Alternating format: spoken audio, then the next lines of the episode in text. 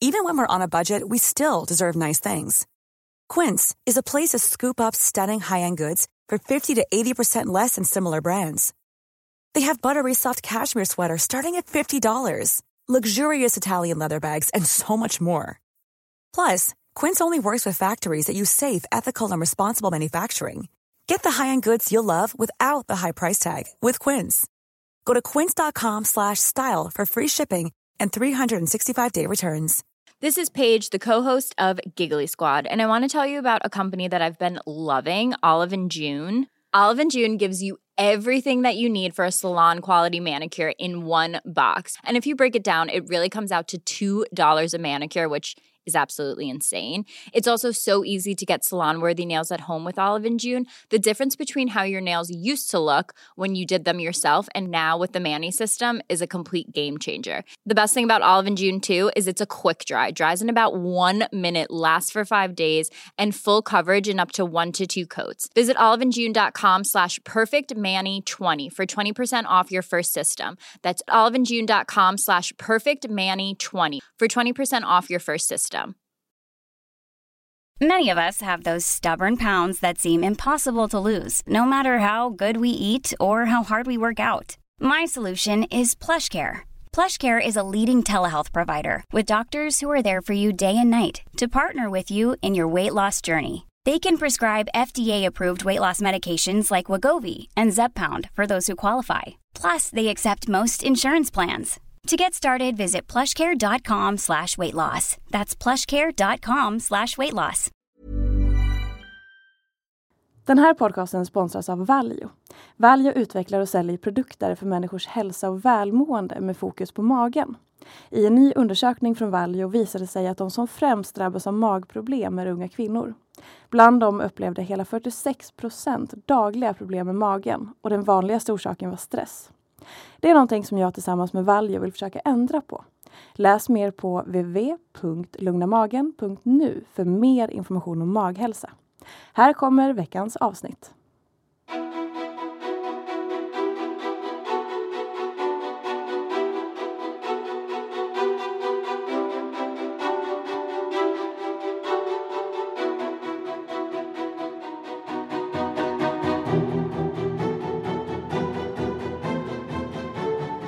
Flora Wiström är 21 år gammal och redan en veteran i bloggvärlden.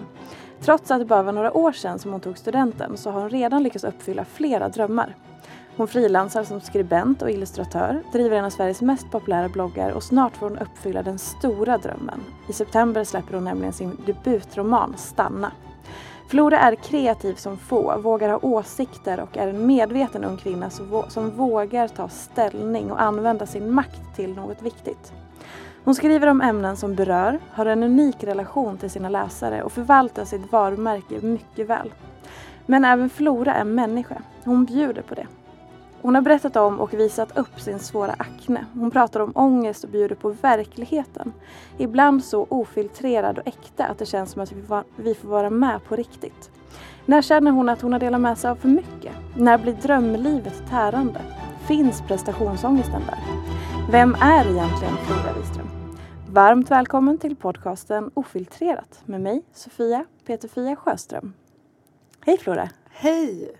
Kan du berätta om din verklighet? Eh, min verklighet just nu skiljer sig ganska mycket från hur min verklighet var för några månader sedan. Jag befinner mig i något slags eh, eh, halvläge. Eh, dels för att det är sommar och jag typ har gått på semester men ändå inte.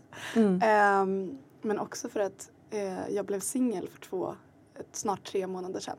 Så att det är liksom efter ett så här, femårigt förhållande.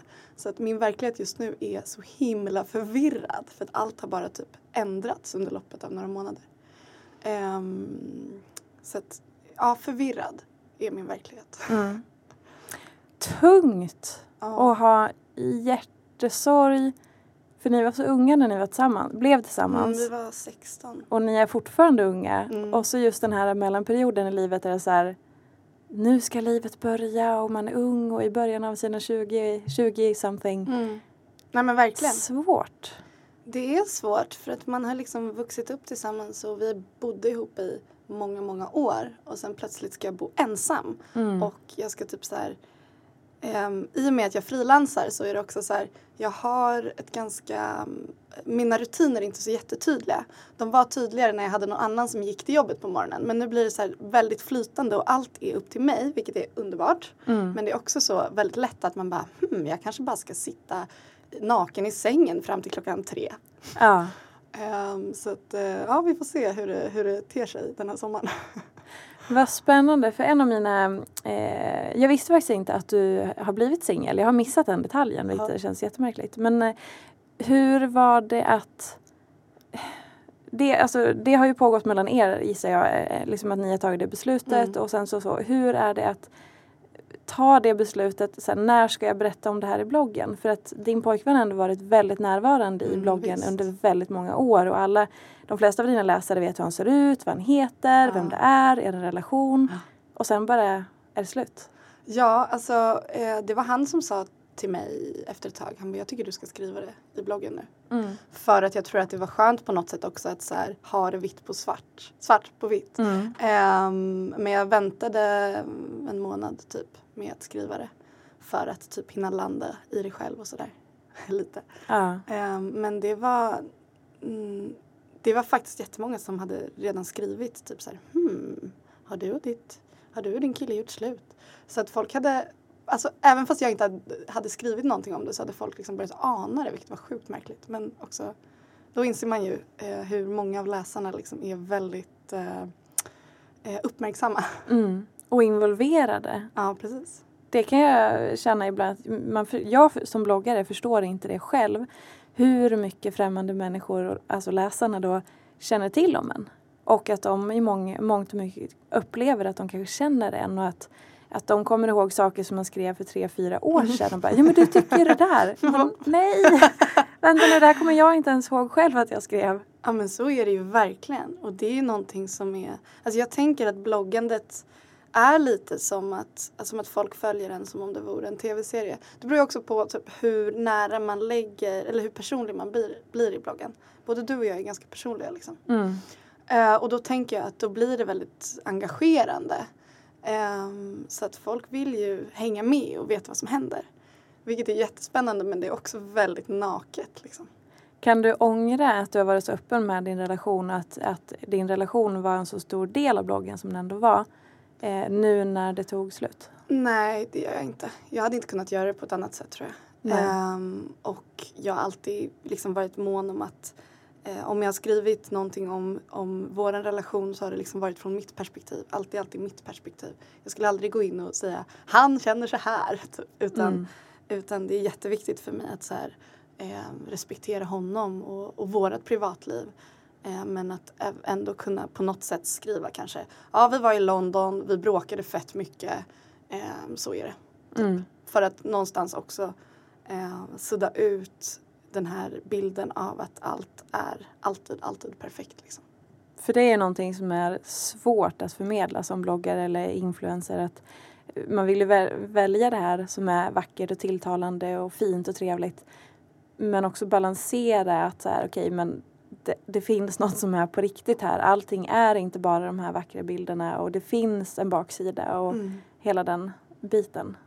Ja, verkligen. Det är superklurigt för att man vill ju behålla intresset. Liksom. Om jag ska lägga upp bilder på min smutstvätt varje dag så kommer ingen vilja läsa min blogg. Um, men jag tror på att här, för att vara en bra förebild så måste man också visa att man har brister.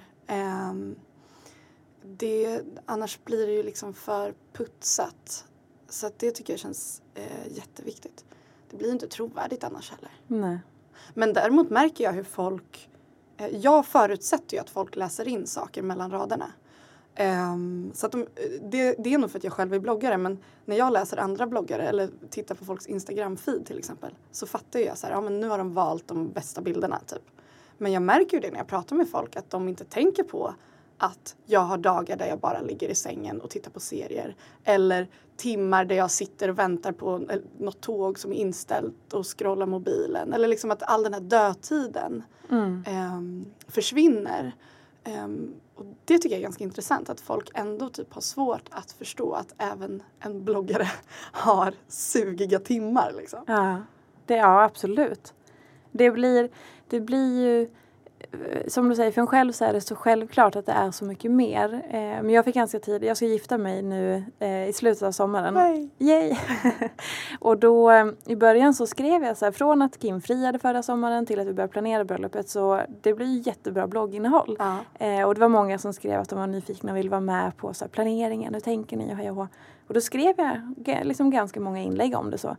Men det var till och med min, eh, någon av mina vänner som så här Gud Fia det är så kul, du har verkligen blivit en bridezilla och så här Och jag var Nej nej, alltså jag känner mig så trött på hela den där grejen redan. Jag ja. vill, jag älskar att få tänka att vi snart kommer få uppleva det här bröllopet men allt som har med det här bridezilla att göra är så bara helt ointresserad och bara Ja. gud vad det här är jobbigt. Och det, jag vill ha tillbaka min fritid, alltså själva planeringen. ja men absolut. Men då hade de till och med missat och tänkt att jag hade gått all upp i det här för att jag hade skrivit några regelbundna blogginlägg mm. om ämnet.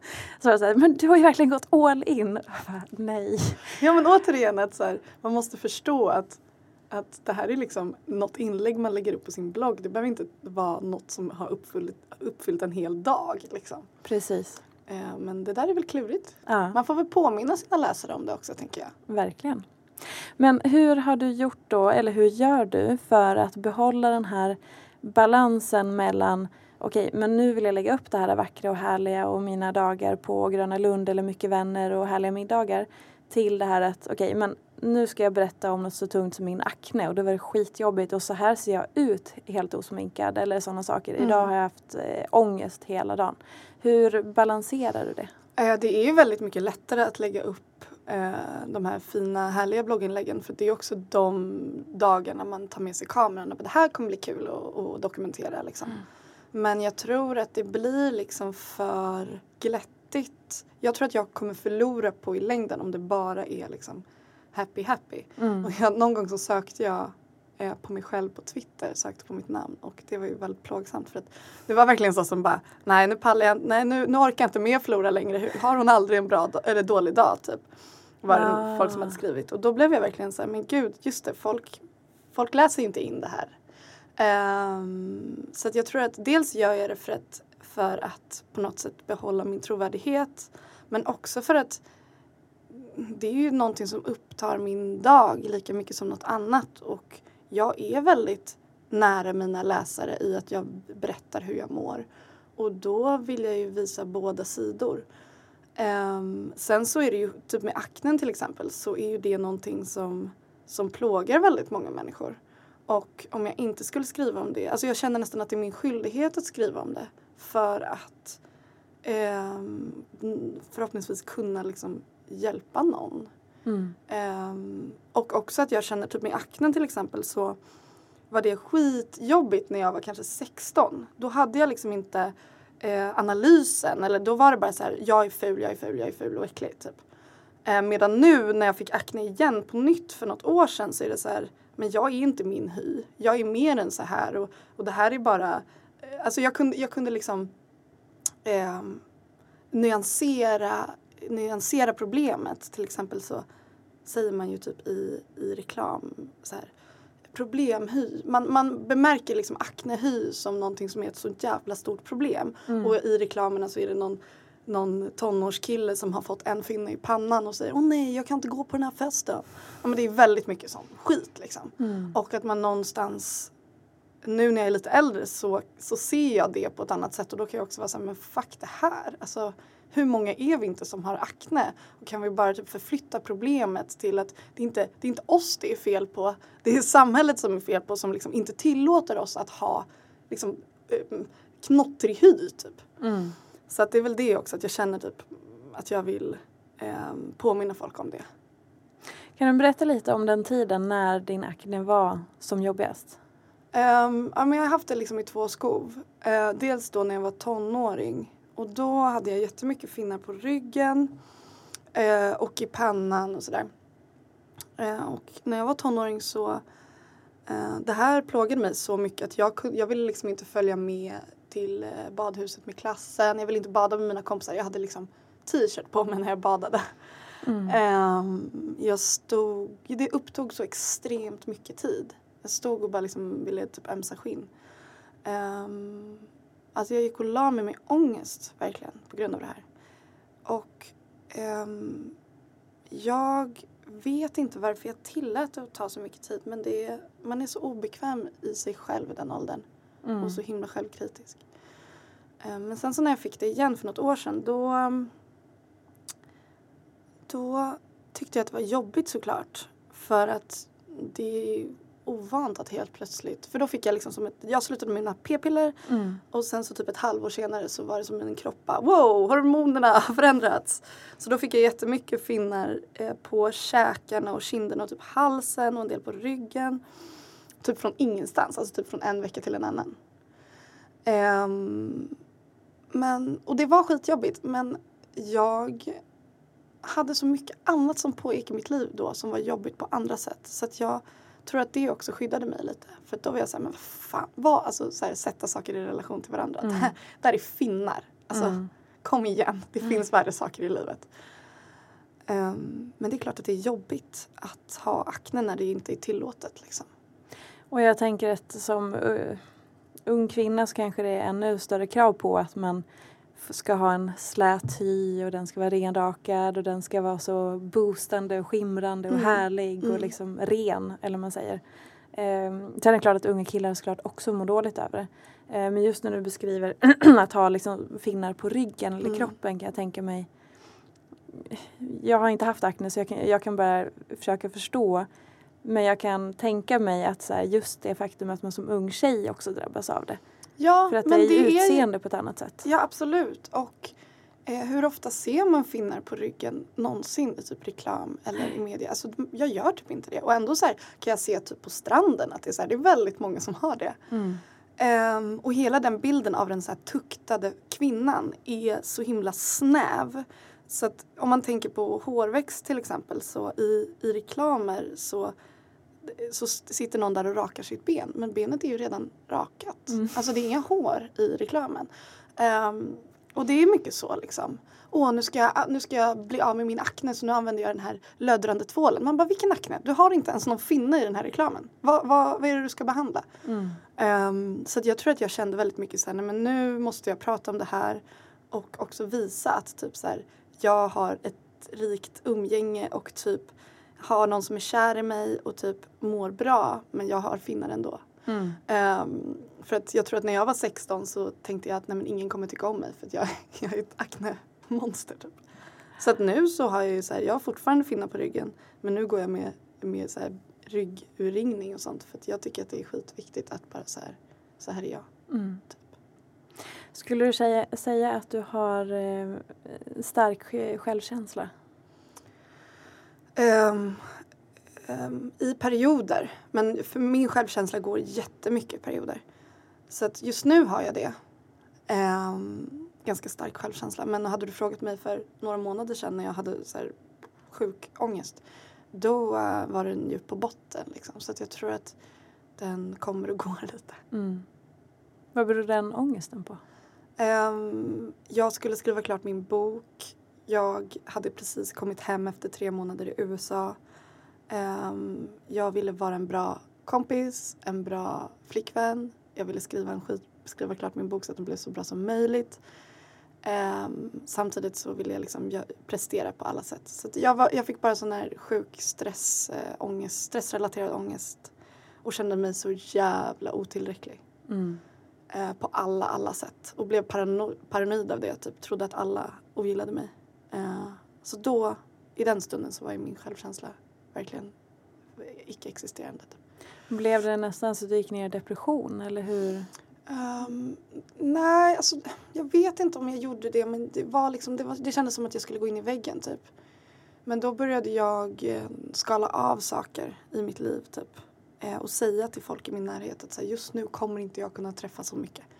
Och det var så skönt att typ ha det så utsagt för då visste folk hur de skulle hantera det och inte tog det personligt heller för det var ju min rädsla att folk skulle börja tro att jag drog mig bort från dem för att jag inte ville vara med dem. Sen började jag gå hos en psykolog och vi började prata jättemycket om hur viktigt det är att göra saker eller att alltid typ gå tillbaka till sig själv och säga vad vill jag göra idag och inte så här vad förväntas av mig. Mm. Och det låter självklart men för mig var det någonting som jag har jobbat på hela den här våren att, att hela tiden lyssna inåt. Att, in, att om en kompis frågar, hej vill du ta en kaffe? Eh, så ska inte jag bara, ja det, jag, ses, eller vi, jag kan ses, jag avbryter mitt jobb och går och tar en kaffe. Utan du måste verkligen så här, vad, vad vill jag nu? Mm. Eh, och det är klart att man ibland ska inte göra saker som man... så här, alltså man ska inte alltid bara tänka på sig själv så. Men i en sån period eh, där det blev för mycket så var det skitbra för mig att börja eh, vara lite mer sann mig själv och inte bara typ vara så som folk ville att jag skulle vara. Mm. Skitsvårt. Mm, jätte. Men ehm, ändå på något sätt ganska lätt.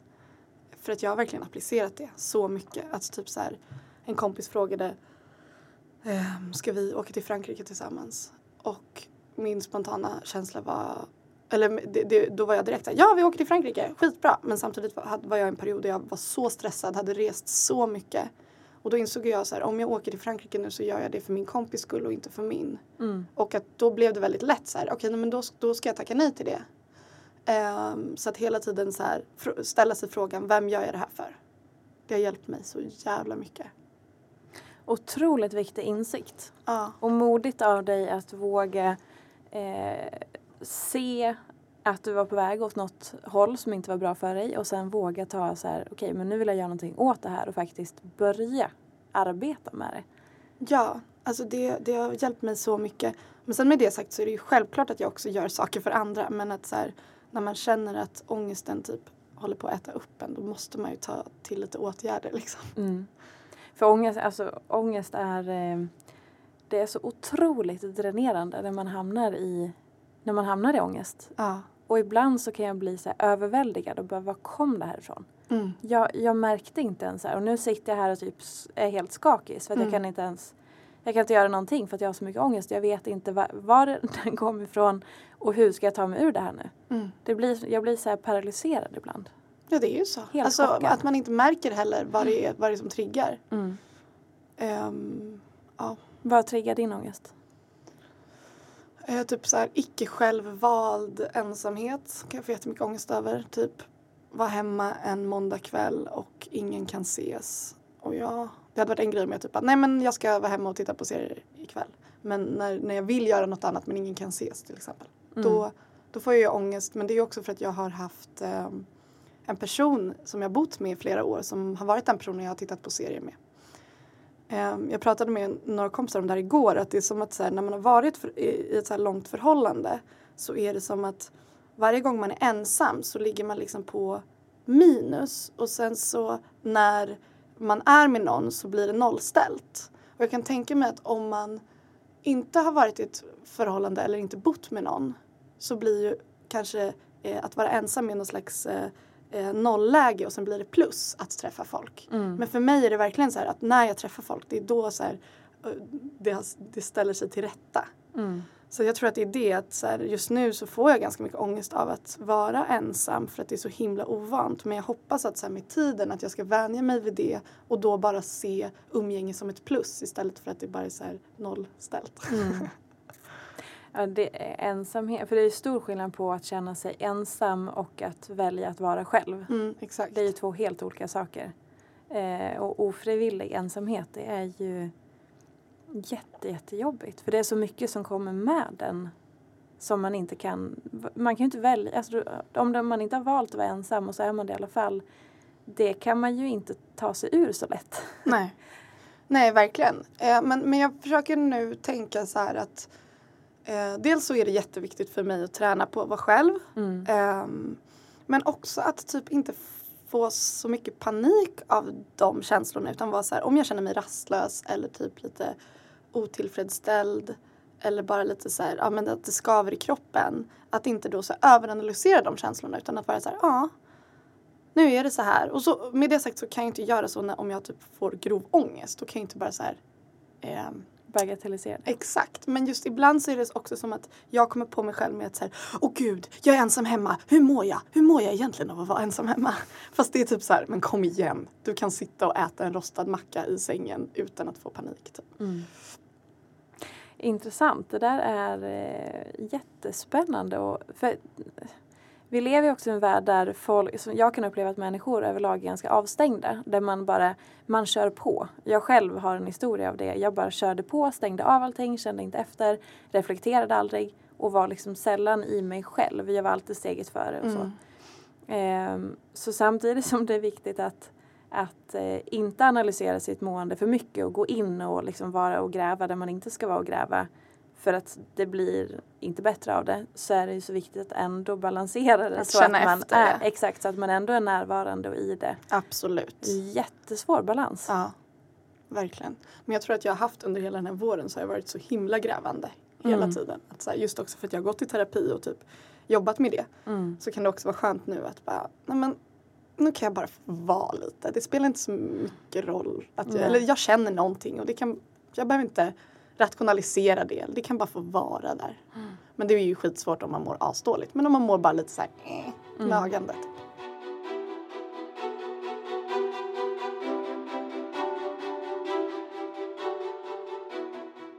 Du var ju i USA i höstas. Mm.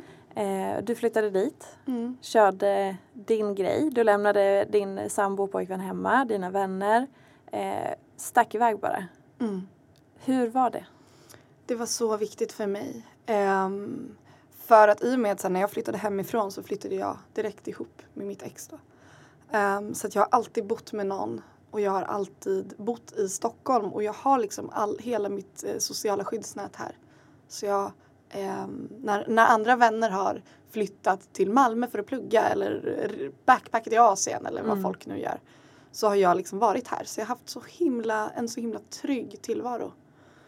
Ehm, och min storebror bor i San Francisco och då kände jag så här, nej men nu tar jag min chans att åka dit. Så jag var där i tre månader och bodde ensam för första gången.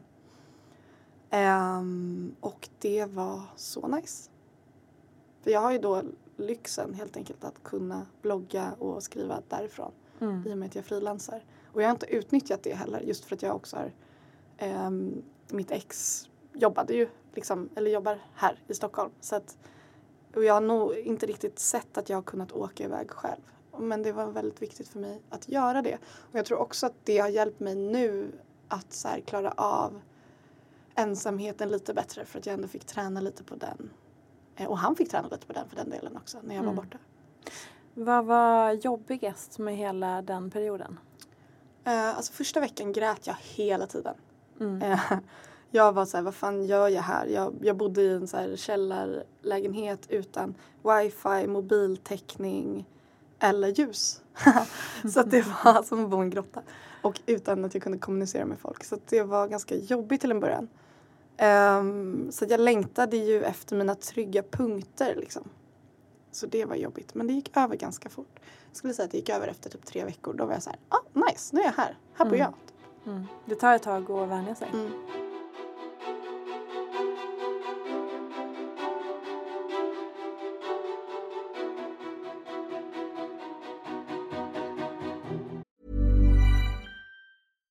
Here's a cool fact a crocodile can't stick out its tongue. Another cool fact you can get short term health insurance for a month or just under a year in some states. United Healthcare short term insurance plans are designed for people who are between jobs, coming off their parents' plan, or turning a side hustle into a full time gig.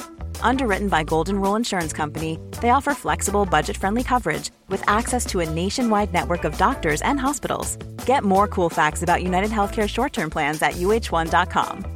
Hey, it's Danny Pellegrino from Everything Iconic. Ready to upgrade your style game without blowing your budget? Check out Quince. They've got all the good stuff shirts and polos, activewear, and fine leather goods, all at 50 to 80% less than other high end brands. And the best part?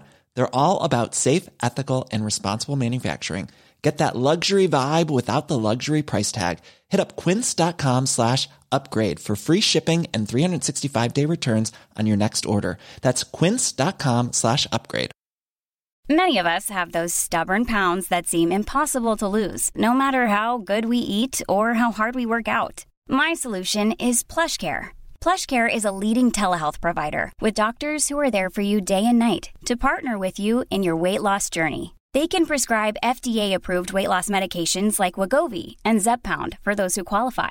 Plus, they accept most insurance plans. To get started, visit plushcare.com slash weight loss. That's plushcare.com slash weight loss. There's never been a faster or easier way to start your weight loss journey than with PlushCare. PlushCare accepts most insurance plans and gives you online access to board-certified physicians who can prescribe FDA-approved weight loss medications like Wigovi and Zepbound for those who qualify. Take charge of your health and speak with a board-certified physician about a weight loss plan that's right for you. Get started today at plushcare.com slash weight loss. That's plushcare.com slash weight loss. plushcare.com slash weight loss.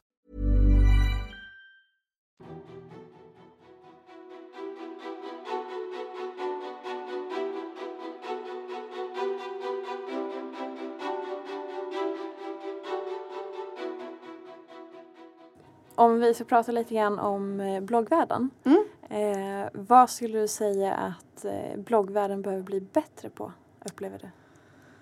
Ehm, dels så tycker jag väl att det är jättehärligt när, man, när bloggare vågar visa lite flas liksom. Det är ju inte allas, all, med det sagt så måste man inte göra det. Man har liksom ingen skyldighet att göra det. Som bloggare så har man inga skyldigheter. Man kan göra vad fan man vill. Men sen så kan man börja prata om så här, vad, den möjligheten man har. Alltså man sitter ju ändå på någon slags eh, opinionsbildande och eh, man kan påverka väldigt många om man vill. Så att eh, dels så skulle jag väl säga att man kan få visa lite, alltså att det inte alltid är så polerat liksom. Mm. Och det är, det är någonting jag typ påminner mig själv om också för det är väldigt lätt att bara dras med i det. För att ja, som sagt det är då man tar med sig kameran. När man gör något jättekul. Um, men sen så känns det också som att så här, precis som att man typ delar artiklar på Facebook eller typ så här um, kanske har det, det har inte alla men någon typ av så här politisk agenda i sin vardag eller kanske med sina vänner och sådär. Att, att kanske även ta det till bloggen. Och det behöver inte vara så här, jag röstar på det här partiet, typ. Men att det kanske är så här, vi, ja men det har varit eh, alltså förföljelser mot svarta i USA just nu till exempel. Att, eh, att i en sån situation där det händer mycket i världen, eller typ under flyktingkrisen som för den delen fortfarande pågår.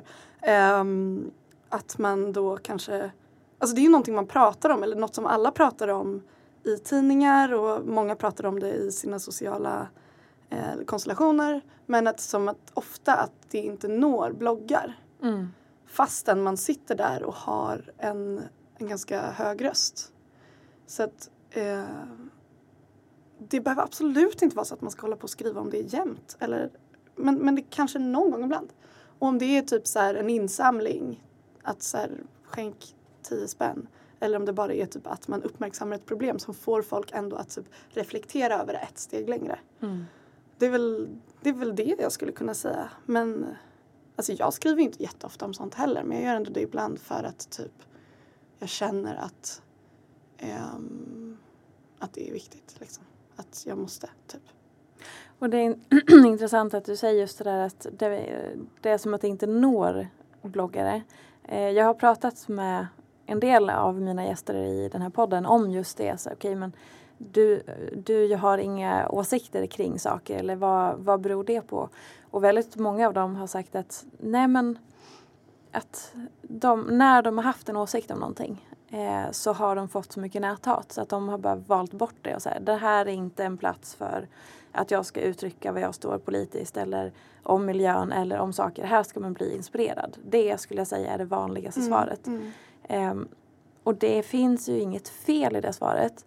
Ehm, men jag kan tycka att det är lite skönt när man som till exempel du och flera andra inom din genre, om man ska kalla er för creative bloggare. Ehm, ni vågar liksom uttrycka någonting. Ni vågar använda eh, eran makt till att både informera, eh, inspirera och även berätta för de som kanske inte är så medvetna.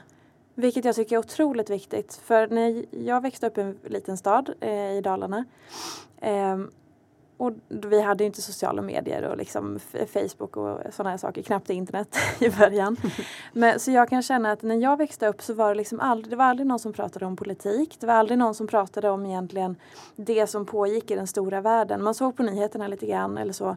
Men det fanns inte den här ständiga diskussionen om vad som pågår ute i världen. Hur ska vi förbättra det vi har? Vad privilegierade vi är? Vad kan man göra för att förbättra för de som har det sämre än en själv? Det var liksom inte pågående och öppet så som det är idag. Mm. Och det kan jag känna att det gjorde att jag var ju väldigt obildad på de här sakerna väldigt länge tills jag flyttade till till exempel Stockholm eller sociala medier kom, man har mer information nära in på sig. Mm. Jag växte också upp och blev lite mer intresserad och Ja, liksom men så. så är det absolut. Men och så därför kan det vara så synd nu att nu när vi har chansen att man får lära sig från tidig ålder så är det många som bara nej det här ska bara vara inspiration. Nej jag vill inte prata om sådana här Ja. saker. Nej jag vill inte. Alltså för min, utifrån mitt perspektiv så är det lite synd att Men jag tror man att- väljer bort det. Jag tror att ehm, man, många reproducerar ju det de redan har sett. Så här, Åh, nu ska jag börja blogga. Ja, men så här gör man när man bloggar. Och, eh, vilket är synd för att som bloggare så har man helt total frihet att lägga upp sina blogginlägg som man vill, att skriva om vad man vill. Eh, och jag tror att många är så här, nej men nu eh, Alltså att det, det blir väl att man använder samma Instagram-filter och man använder samma typ av design och man, man, man gör, man liksom bara åt, reproducerar det som man har sett tidigare.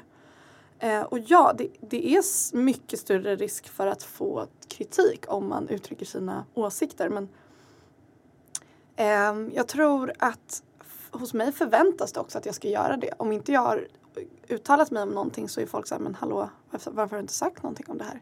Sen säger inte jag jättekontroversiella saker egentligen. Ehm, men eh, ja, det, det känns som att fler skulle kunna eh, engagera om de, om de vågade och ville. Liksom. Men, men alltså så här, som bloggare så har man ingen skyldighet att informera. Nej. Man har, många avsäger sig också förebildsrollen.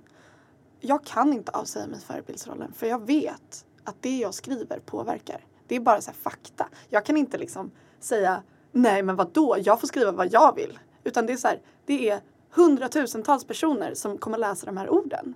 Då kan inte jag skriva någon skit liksom. Då måste jag, då måste jag skärpa mig. Och visst, det kan, vara, det kan vara stressande och det är väl kanske därför också jag inte, all, inte skriver om det här jätteofta för att jag blir så här shit, jag är så rädd att säga fel typ. Men att ändå säga, nej men nu får jag skärpa mig, det här är viktigt.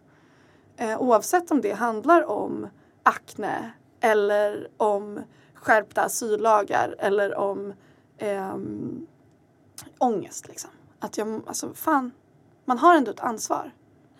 Folk kan säga hur mycket de vill att de inte är förebilder men, men det kan man, man bestämmer inte det själv heller. Men det är samma sak egentligen. man behöver ju inte vara bloggare för att känna ett ansvar att man ska vara en god förebild. Det ska vi egentligen alla vara som medmänniskor till våra barn, till våra vänner, till olika sammanhang där man är. Att man bara säger ifrån om man ser att någon blir illa behandlad på gatan. Att man har civilkurage eller om någon kommenterar något rasistiskt i personalrummet. Att man säger till. Eller, Mm. Alltså, så egentligen så behöver man inte heller bara säga att åh, bloggare tar inget ansvar. Eh, för att det är väldigt många människor i samhället som inte tar ansvar. Mm. Eh, bara det här med nu med våldtäkterna på festivaler att man bara, äh, nej men vadå? Så jag sopar under mattan och bara, nej men hur kan man ens bli våldtagen i ett publikhav? Det är säkert överdrivet. Eller alla män våldtar inte och så diskuterar man det om och om igen. Man Att skiftar all... problemet från Ja, liksom det som egentligen är viktigt. Att, Ja, kvinnor, så att här. en, kvinnor har blivit våldtagna men låt oss prata om att det är så himla jobbigt att andra män blir kränkta av det här. Alltså Ja. det, ja. Ja. Okej. Sug. Ja. Nej men eh, överlag så kan vi samhället då egentligen vi kan ju stötta varandra i att man vågar uttrycka lite mer åsikter kan jag känna. Ja, ehm, Egentligen. absolut. Och man ska lägga ribban där man själv känner att man kan lägga ribban också. Man behöver inte rädda världen. Liksom. Mm. Men man kan säkert alltid göra någonting litet i alla fall. Jag tror att det är viktigt också att man inte så ska ha, gå runt med något konstant dåligt samvete och liksom ätas upp av det. Men att det är väldigt härligt också att få ehm, hjälpa till lite. Eller att det, det är någonting som liksom, Ehm, jag tror alla mår bra av också. Ehm, om man tittar på dig utifrån eh, så är du en väldigt skapande och kreativ person. Du gör illustrationer, du bloggar, poddar, skriver. Du är otroligt kreativ. Var hämtar du inspiration och kreativitet ifrån? Um, inspiration är någonting som jag tror att man um, Många tror att, man liksom, att det är något som dimper ner i knät på en. Uh, men jag tror att jag uh, jag, blir, jag läser väldigt mycket och det blir jag inspirerad av så att uh, då hämtar jag inspiration därifrån så vill jag skriva eller jag umgås med många andra som skriver så vi pratar mycket om det. Det är någonting jag gör för att jag pluggat skrivande så då hamnar man i en sån miljö med andra likasinnade liksom. Um, med bloggen så är det något som jag har gjort sedan jag var 12 så att det kommer naturligt liksom. Jag vet inget annat. Mm. um, men um, ja, jag vet inte. Sen har jag vuxit upp med frilansande föräldrar som har liksom gett sig fan på att jobba med det de vill. Så då har jag, jag blivit inspirerad av det också. Sen har ju vissa människor lättare att ge sig fan på att jobba med det de vill för de kan kanske luta sig tillbaka på sina föräldrar om om det blir ekonomisk kris eller något sånt där. Eh, det, så det är jag ju medveten om. Men, men ehm, det är nog, jag har nog blivit väldigt inspirerad av att se mina föräldrar eh, jobba. Min pappa är arkitekt och min mamma är trädgårdsdesigner. Mm. Eh, så att vi, ja men jag tror liksom sen jag var liten sett att så här, nej men man kan, eller jag kan nog eh, jobba med, med det som jag vill. Känner du dig privilegierad att du har haft liksom goda förutsättningar för att skapa det som idag är din vardag och Absolut. Din dröm, ditt drömliv? Absolut. Alltså man får ju väldigt ofta höra att typ så här, eh, klyschan typ bara du vill något tillräckligt mycket så kan du komma dit. Typ. Mm. Och det är ju väldigt, en väldigt sorglig syn på världen. Eh, för att eh, det är väldigt mycket lättare för somliga. Um, så att jag känner mig väldigt privilegierad. Just för att jag vet ju så att om, om det krisar så har jag ändå föräldrar som, som eh, kan kanske hjälpa mig ekonomiskt. Eller, och mina föräldrar vet att om det krisar för dem så har de föräldrar som förhoppningsvis kan hjälpa dem ekonomiskt. Mm. Um, så att jag, jag, känner mig väldigt privilegierad på det sättet. Viktig insikt ändå att ha så att man inte bara, äh, vad fasen. Ja, det, det, ja, det är väldigt lustigt när folk är sådär bara fånga din dröm. Man bara, mm, good for you att du kan göra det mycket lättare än alla andra. Typ. Ja, det är sant. Eh, vad skulle du säga att du har för relation till eh, hälsa? Begreppet hälsa? Eh, alltså jag får ju lite creeps av det för att jag blir så här, vänta vad är det vi fokuserar på nu? Typ. Mm. För direkt så tänker jag så här, kroppsångest, kroppsångest, kroppsångest. Men, men jag försöker jobba också på att hälsa är ett, ett större begrepp. Um, men jag tror att så här, det ordet har blivit har liksom tagits till en ytlig nivå istället för att fokusera på det viktiga som är ju liksom hur man mår i sin, i sin kropp och typ rent i sitt huvud. Um, så att uh, jag fokuserar väldigt mycket på att försöka må bra liksom. Och det är därför jag typ går i terapi och det förbättrar min hälsa. Mm. Sen gillar jag att röra på mig, jag gillar att springa. Uh, det får jag väldigt mycket energi av. Um, jag är vegan, det får mig också att må bra. Mm. Hälsa blir ganska eh, smalt. Det blir som så här en liten tanig bild av och så sätter man en stämpel. Så här ska hälsa vara. Mm. Och så är det ett väldigt tunt begrepp och det innefattar bara typ stenhård gladiatorträning och eh, specifikt utvalda extremt nyttiga råvaror. Ja, det, det är verkligen så. Och det Um, tog mig ett tag lite att förstå att så här, uh, hälsa är någonting som man definierar själv. Liksom. Mm. Hälsa för mig kan vara att um, leka med hundar liksom, för mm. att jag mår bra av det. Det behöver inte vara att jag äter spirulina i min smoothie. Liksom. Men hur hanterar du den här eh, hälsotrenden? Du, för du känner ändå att du påverkades lite av den negativt? Om jag läser mellan mm. raderna här. Mm. Ja men gud, det, det, jag, jag skulle bli förvånad om någon sa att de inte påverkas negativt av det. Mm. Det är ju jättehetsigt. Um, och alltså jag tror att det betyder jättemycket eh, vilka man umgås med.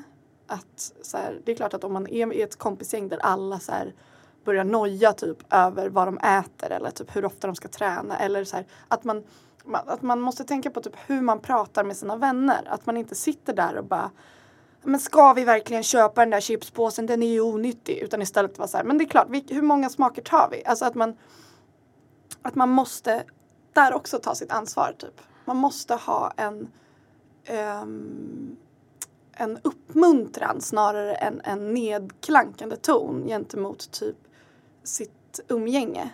Det tror jag jättemycket på.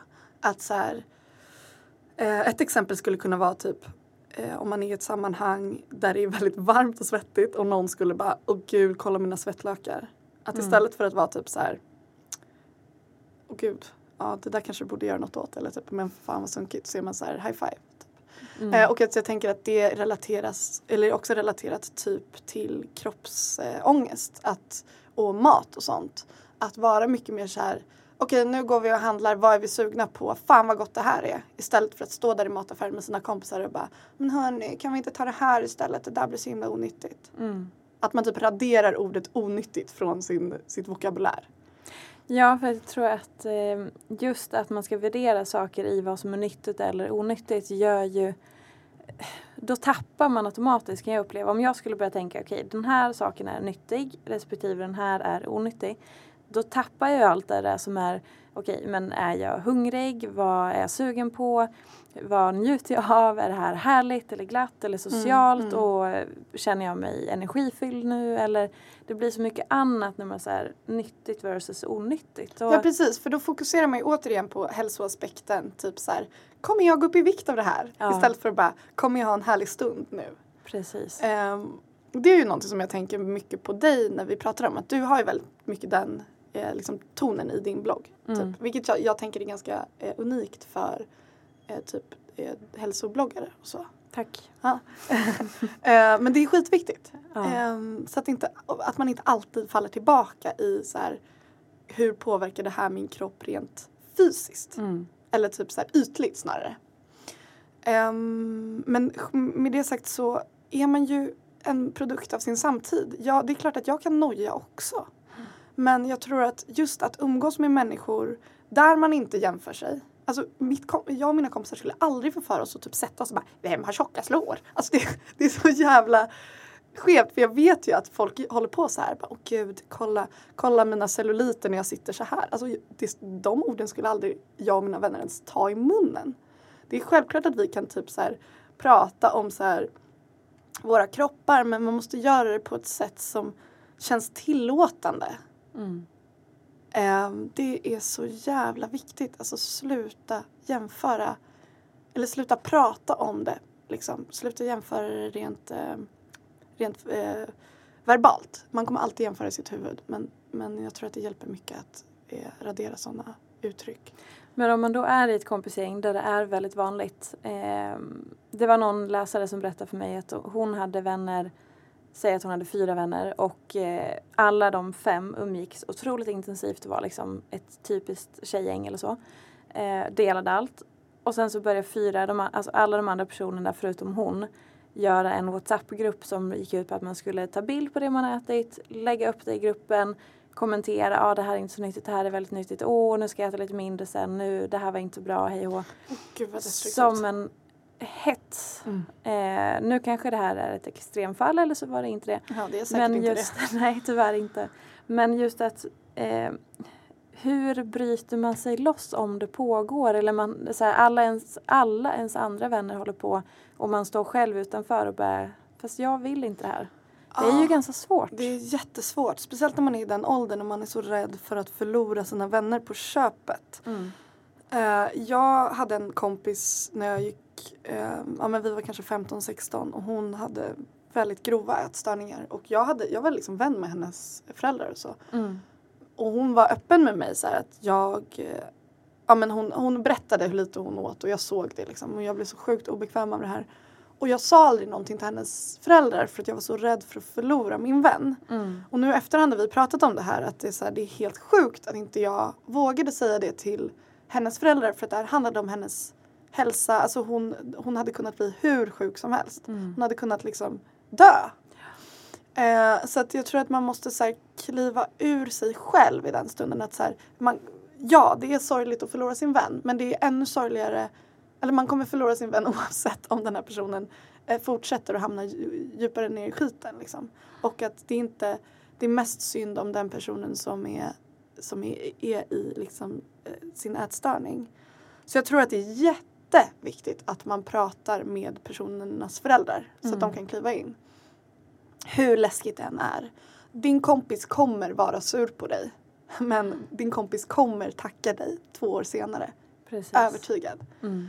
Ehm, så att i det långa loppet så är det så mycket mer värt att så här, våga prata med föräldrarna. Men sen tänker jag också att om man är ett kompisgäng där det är mycket kroppshets att man liksom får sätta sig ner och så här, hörni, vi måste förflytta fokus här. Om vi lägger så här mycket fokus på det här så kommer vi alla må sämre av oss själva. Vi måste liksom försöka peppa varandra åt andra hållet. Liksom. Mm. Men det är ju jättesvårt. Och sen det där som du säger med att förlora vänner och så. Man kan, jag kan uppleva att man tänker, speciellt kanske när man är yngre, att de vännerna man har där och då när man växer upp är de vänner man kommer ha resten av livet. Mm. Och om man skulle förlora dem så kommer det aldrig några andra.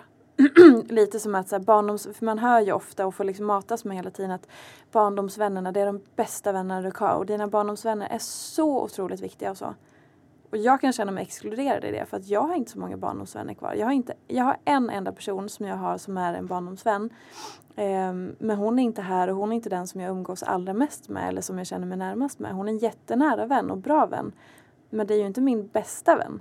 Och jag har inga barndomsvänner på det sättet. Då säger jag, men mina vänner nu då, de har jag känt i mellan eh, fem och sju år. Och det, de är ju så otroligt nära. Absolut. Men då matas man hela tiden med att nej men det är barndomsvännerna. Ja. Eller det den här, du måste ha tjejkompisar, du kan inte ha kill killkompisar, vill bara ligga. Du vet det är så mycket så här, Men det Man finns väldigt mycket föreställningar om vänner. Ja, hur vänner ska vara. Och det där är så viktigt att så här, det kommer fler. Och att de vänner jag umgås med som mest idag det är ju de som jag har, ja men också kanske så här från sju år fram till idag. Mm. Det, jag umgås ju knappt med någon från min högstadietid. Ehm, men en annan sak som jag verkligen har applicerat på mina vänner eh, det senaste året det är att ta bort ordet bästa vän. Mm. För att när man säger att någon är ens bästa vän så blir det ett exklusivt förhållande. Det blir som att man är ihop och det är bäddat för att någon någon gång kommer bli sårad. Att det är så här man ska göra slut typ. Så därför har jag, jag använder inte det. Jag kan, jag kan känna så här, okej de här personerna umgås jag mest med nu. De här personerna är jag närmast nu. Men jag säger inte, ja men hon är min bästis. Nej. Utan jag säger, hon är min väldigt nära vän. Eller vi hänger jämt. Mm. Eh, Och det, är, känns så, det känns verkligen som en befrielse för jag har känt mig jag har känt väldigt mycket press i att så här, behöva uppfylla det här bästiskapet. Att så här, vara där i alla, alla lägen. Att vara ihop med min då bästa kompis kanske. Mm. Så att det rekommenderar jag att typ sluta mm, eh, liksom betygsätta typ vem man är närmst utan att det kan få vara lite flytande och det kan få vissa perioder är man mer med någon annan och någon annan period med någon annan. Liksom. Mm.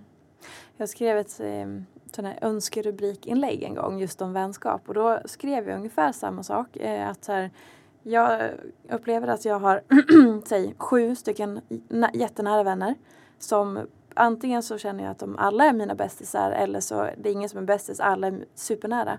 Ehm, och att jag umgås med dem i olika eh, vi, vi fyller olika behov hos varandra och vi har olika relationer och när jag behöver det här så kanske jag vänder mig till den och när den behöver det så vänder jag till mig. Eller när, och försökte liksom formulera det för att för mig är det så självklart att man har olika vänner kanske till olika syften eller behov eller man har olika relationer och så.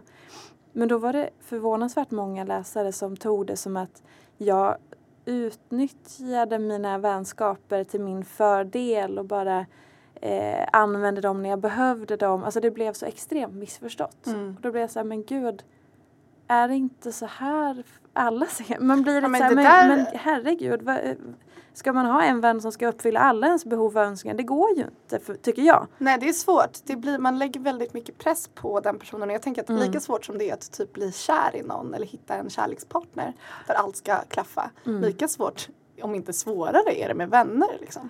Så jag tror att det är jättebra att man har den inställningen som du har. Att så här, det här är en person som jag ehm, ja, men vi, jag gillar att luncha med den här personen och då pratar vi igenom fett mycket men jag kanske inte vill hänga med den här personen varje dag för att det kanske inte skulle funka lika bra. Eller den här personen är så himla bra att prata eh, om familjeproblem. Eller liksom, alltså Mm. 100% att det är helt okej att ha kompisar som, som man gör olika saker med. En träningskompis, en festkompis. Men sen är det klart att man får kommunicera med sina vänner så att inte någon bara Men vadå du vill bara hänga med mig. Eh, Ja, då- nej. Ja, då blir det ju jobbigt. Men så det handlar ju om att vara så här att kanske säga det, bara gud det är så himla skönt att vi har den här relationen och kolla läget lite. Mm. Så att det blir ömsesidigt. Verkligen. Har du gjort slut med en vän någon gång? Eh, nej, det har, det har liksom runnit ut i sanden i sådana fall. Ehm, så att nej, det har jag inte gjort. Nej.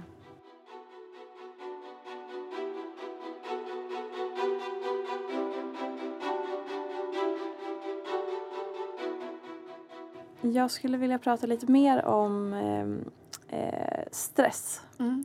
Du berättade att du kände att du nästan var på väg in i väggen i våras. Mm. Eh, hur kom du till den insikten? Eller vad var det som fick dig att känna att nu, den här stressen håller på att förgöra mig? Mm, det var liksom den fysiska ångesten, att jag låg i sängen och bara hade ångest och ehm, att allt, allt blev ett hinder. Alltså om en kompis ville ta en fika så var det något jobbigt. Ehm, jag orkade liksom inte göra någonting. Att varenda sak i min kalender kändes som någonting som var en plåga. Typ. Mm. Så att det blev väldigt, ja, och att jag blev då paranoid liksom. Eh, och trodde att så många av mina vänner var arga på mig.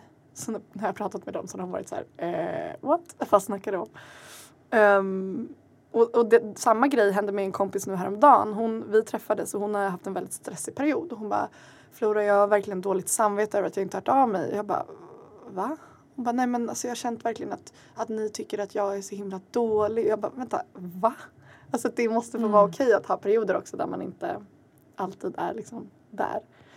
Ehm, men så jag, det var helt enkelt att jag bara, sa, nej men nu går inte det här. Jag mår för dåligt. Så då tog jag saken i mina egna händer och eh, började gå hos en psykolog. Jätteviktigt. Min ångest är väldigt stressrelaterad. Eh, så att jag har, det är ofta det som är, du frågade mig förut vad min trigger är och det är ju Mm. egentligen att, att ta på mig för mycket jobb. Liksom. Känner du att det du berättade om att dina rutiner kanske inte är så eh, satta i sten eller så utan de kan vara ganska flytande. Att det är någonting som, som triggar stressen för att då är allting lite så här ovisst på något Ja sätt. precis, att då blir det väldigt så här, jag, man kan alltid göra mer. Typ. Mm. Det är väl det som är det läskiga med att vara frilans. Att det finns, jag går inte hem från jobbet så har jag jobbat klart utan det finns alltid saker jag kan göra mer. Eh, vilken är en väldigt, det är en väldigt så här, överväldigande känsla. Ehm, att så här, är det här tillräckligt? Och Mm. jag kände mig så extremt otillräcklig och det gör jag i perioder. Eh, men, ehm, ja, men det har hjälpt mig att skala av saker, att tacka nej. Att lyssna inåt mer istället för att bara vara den som folk vill att jag ska vara. Men stress suger. Det gör det verkligen. Men det låter också så, så här skönt och lätt så här. Ja, men jag tackar nej och lyssnar inåt. Och så kanske det är någon som bara men vadå tacka nej? Det är jätteläskigt. Hur vågar man det? Och som frilans så måste jag ha in sin lön. Eller hur, liksom, Mm. hur, hur, hur gör man? Hur gör du? Jag tror att så här, när jag säger tacka nej då, då syftar jag mycket på typ sociala sammanhang och då Mm. tror jag att det är jätteviktigt att så här, berätta för sin familj och sina vänner och de man har runt sig att så här, jag är lite för överväldigad just nu, jag har för mycket. Ehm, så att om jag tackar nej så är det inte personligt. Och jag har också så här, pratat väldigt mycket om det här med mina vänner så att det inte ska bli att man aldrig ska lägga eh, skit på den som tackar nej utan att det, det måste få vara okej. typ. Även om man har sagt så här, eh, vi äter middag på tisdag. Att om man då hör av sig på tisdagen och är så här, nej alltså det här går inte. Och att man inte måste ha en ursäkt då. Att det inte är så här, jag är sjuk. Typ. Utan att man, det kan få vara okej att säga, nej alltså jag orkar inte ikväll. Och det, sån, sån relation har jag inte med alla mina vänner men de jag har det med tycker jag att det är så extremt skönt för det är så tillåtande. Ehm, så det hjälper mig. Men det är klart att så här, i jobbsammanhang kan det ju vara svårare att tacka nej. Mm. Ehm, så att eh, där får man ju kompromissa ibland med sig själv och, och tacka ja för att man behöver få in pengar. Liksom. Vi kan avsluta lite grann med att prata om det. Så här, hur går man från att börja blogga som 12-åring till att kunna leva på sin blogg? Jag får fortfarande frågan jätteofta, men hur tjänar man pengar på sin blogg? Går det ens? Ja. Ehm, jag, jag bloggar ju också för Metro liksom och då är det ju banners som, som reklambanners som jag får in pengar för liksom. Ehm, men också samarbeten. Så jag gjorde ett ehm, jätteroligt samarbete nu i våras till exempel med Interrail och då är det att jag bloggar och dokumenterar från den här resan. Interrail är då tågluffkortet liksom. Mm. Eh, och den dokumentationen är det som kunden betalar för. Så att man gör mer redaktionellt innehåll. Man, man gör blogginlägg som har en annan avsändare, än, alltså en, en sponsrad avsändare, men man gör det på sitt sätt. Så det är ju det som, som betalar mina räkningar. Men, men att komma dit har ju tagit, eh, ja vad är det, snart tio år liksom. Mm. Ehm, och jag, om jag ska vara ärlig så, så vet inte jag hur jag kom dit. Jag började när jag var 12, hållit på varje dag sedan dess. Eh, för tre år sedan så började jag tjäna pengar på min blogg. Hade inte gjort det innan förutom någon tusenlapp typ här och där. Mm. Ehm, och eh, jag, jag tror att jag kom till en punkt där jag var också såhär, nej men nu, nu går det bra. Nu, om jag lägger lite mer tid på det här så tror jag att det kan flyga. Och då gjorde jag det. Då, då, började jag, då hyrde jag en kontorsplats och så gick jag dit och så gjorde jag mina blogginlägg och gjorde fler blogginlägg om dagen. Jag, jag såg det mer som ett jobb. Tidigare hade jag sett det som någonting jag gjorde när jag kom hem från mitt jobb i Mm. te och kaffehandel. Och, och slängde ihop ett blogginlägg. Men nu var det så här, nej men nu är det här mitt jobb. Och då la jag mer tid på det liksom. Så jag tror så på eh, flitigt arbete, att man lägger, man ser det som att som om man kanske skulle ha skrivit en artikel till en tidning. Precis som att man då lägger timmar på att sitta där framför datorn. Ehm, och att eh, försöka mm, ja, men inte bara var, liksom, vara en ny kopia av den bloggen man gillar utan att på något sätt ha en, en egen vinkel. Mm. Och det kan vara jättesvårt men att så här, var, inte vara för rädd för att typ ha sin egen ton. Ehm, men det är fan så lyxigt att få jobba som bloggare. Tack Flora, 12 år gammal för att du började blogga. Eller hur? Vad Ja. var det som fick dig att börja blogga när du var 12? Jag vet inte, jag läste Kinsas blogg och tyckte att det verkade kul. Ja. Det var den, under den perioden då hon hade så här, gräddvita strumpor i sina stövlar. Ehm, eh, det var jättelänge sedan. Och jag tyckte väl bara att eh, det var roligt att fota och typ lägga upp lite, ja men skriva lite. Mm. Så och sen så bara fortsatte det. En sista fråga och det handlar om din bok. Ja. Eh, den kom ut i september. Ja, första veckan i september. Debutroman som heter Stanna. Yes. Hur gick den här processen till? För det här är ju mångas största dröm i livet. Jag vill bli författare, jag vill ge en bok, jag vill skriva. Du vet, det är så här väldigt romantiskt kring hela Mm. den grejen.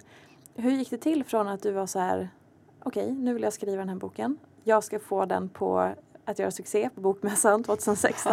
alltså hur har den här processen sett ut? Eh, många tror ju att förla- ett förlag har kommit till mig och sagt hej, skriv en bok för oss. Eh, så har det absolut inte varit utan jag eh, efter studenten, jag, jag tog studenten när jag var 17. Eh, när jag var 18 så började jag plugga kreativt skrivande på Södertörn. Eh, och när jag började plugga kreativt skrivande så läste jag också jättemycket böcker. Jag eh, tyckte att det var väldigt kul och jag har alltid skrivit men jag har haft väldigt mycket så här, prestationsångest och bara fy fan vad det här är banalt. Eh, men sen så hände det saker i mitt liv. Eh, jag gick igenom mycket så här, ja men det var sjukdomsfall och, och eh, mycket problem i, min, i min, mitt liv liksom. Ehm, och jag blev inte sjuk men en person i min närhet blev sjuk. Och så började jag skriva om det. Och sen förstod jag efter ett tag att fiktion är um, inte någonting man bara tar från så här, sin fantasi utan det är att man uh, omvandlar det man har i sin närhet och kan, kan förvränga det man har och göra liksom att det är Fördelen med fiktion är att man kan ta någonting som man går igenom och sen så kan man förstärka och förminska och göra om och man får göra vad man vill med det. Så det var det jag insåg att så här, jag kan använda mig av det jag går igenom men jag kan förändra det till någonting annat. Mm. Ehm, så då började jag skriva och det här var alltså eh, 2013. Och så skrev jag och skrev jag och skrev jag och jag, gick, jag har gått tre skrivutbildningar. Mm. Och det är under tiden som jag har gjort det när jag har umgåtts med skrivande människor. Jag har läst mycket, gett mycket respons och feedback på texter så har jag liksom varit i en sån värld där alla skriver. Så det har varit väldigt tillåtande och vi har, det har varit väldigt uppmuntrande framförallt. Eh, och sen blev jag klar med mitt manus eh, september 2015 och då skickade jag in det till olika förlag. Eh, och sen så fick jag napp från Bonnier Carlsen. Så det är där jag kommer ut nu i höst. Och det är skitläskigt! Men så att mitt tips är um, att plugga skrivande. Mm. Mm. Och läsa mycket har jag Mm. hört att många också säger. Mm. Men att um, alltså vara i ett sammanhang där folk skriver, det är liksom ovärderligt. För att annars sitter man där hemma och bara, men hur vet jag? Vad, vad, vad är det jag håller på med? Men att vara med människor som också skriver, det blir så självklart. Liksom. För att man kan bli lite ifrågasatt, så här, jaha men vadå, vad skriver du på? Typ. Eh, men i ett, det blir väldigt tryggt och inspirerande. Liksom. Fint. Konkret, hårt arbete, tålamod Mm. och sen att våga också ta det där steget, skicka iväg det. Mm. Det Ja. som du har jobbat på i så många år. Fan vad läskigt det var. Jag Eh, förstår det. Att det var som att det var som att eh, gå eller vara gravid och sen behöva adoptera bort sitt barn. Det är väl lite så det kändes typ. Jag vet inte hur det känns men jag misstänker att det känns ungefär så. Mm. Att, att så här, jaha nu får inte jag, nu, nu ger jag bort det här som jag har lagt så jävla mycket tid på. Mm. Men ehm, jag är så himla pepp på att boken ska komma ut. Det är en eh, kärlekshistoria som utspelar sig i Stockholm. Ehm, och det handlar om ehm, hur 20-åriga personer påverkas av sorg och hur man i ett förhållande kan känna sig ehm, kvävd när ens partner mår dåligt. Och hur man typ ja, kan längta bort men också vilja vara kvar. Där, därav namnet Stanna. Spännande. Mm. Jag ser fram emot att läsa och den heter som sagt Stanna. Mm. Jättebra. Tack Flora för att du ville vara med. Det har varit fantastiskt spännande att prata med dig. Tack för att jag fick komma. Ja men det var så roligt. Ni hittar ju Flora på flora.metromode.se på bloggen och sen så heter du Flora Vis med W på Instagram. Stämmer bra. Och Twitter har du? Har inte Twitter. Jag har Nej. en podd som heter Flora och Frida Just som man det. kan lyssna på också om man Jättebra. gillar sånt här med poddar. Exakt. Vilket man kanske gör om man lyssnar på den här. Kanske. och jag finns på peterfia.se och peterfia där jag är. Säg att det är samma sak. Ja, vi ses på tack. internet. Ja men eller hur. Ses på internet och tack för att ni lyssnade. Hej då! Hej då!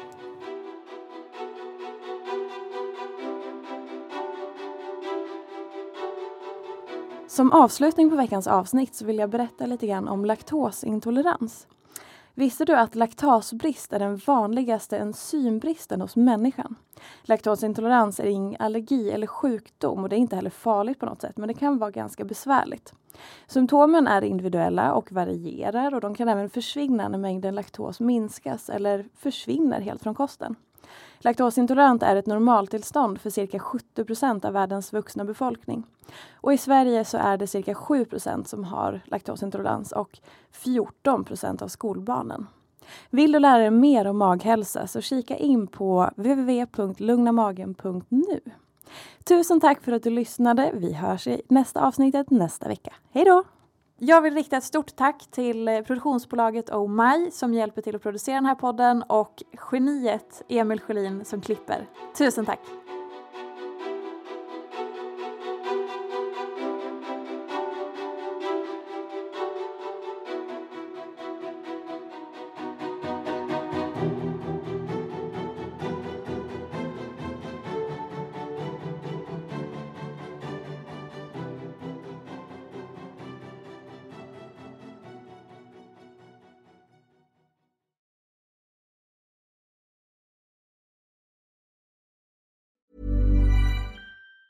Planning for your next trip? Elevate your travel style with Quince. Quince has all the jet setting essentials you'll want for your next getaway, like European linen, premium luggage options, buttery soft Italian leather bags, and so much more. And it's all priced at 50 to 80% less than similar brands. Plus, Quince only works with factories that use safe and ethical manufacturing practices. Pack your bags with high-quality essentials you'll be wearing for vacations to come with Quince. Go to quince.com slash trip for free shipping and 365-day returns. Mom deserves the best, and there's no better place to shop for Mother's Day than Whole Foods Market. They're your destination for unbeatable savings, from premium gifts to show-stopping flowers and irresistible desserts. Start by saving 33% with Prime on all body care and candles. Then get a 15-stem bunch of tulips for just $9.99 each with Prime. Round out Mom's menu with festive rosé, irresistible berry chantilly cake, and more special treats. Come celebrate Mother's Day at Whole Foods Market.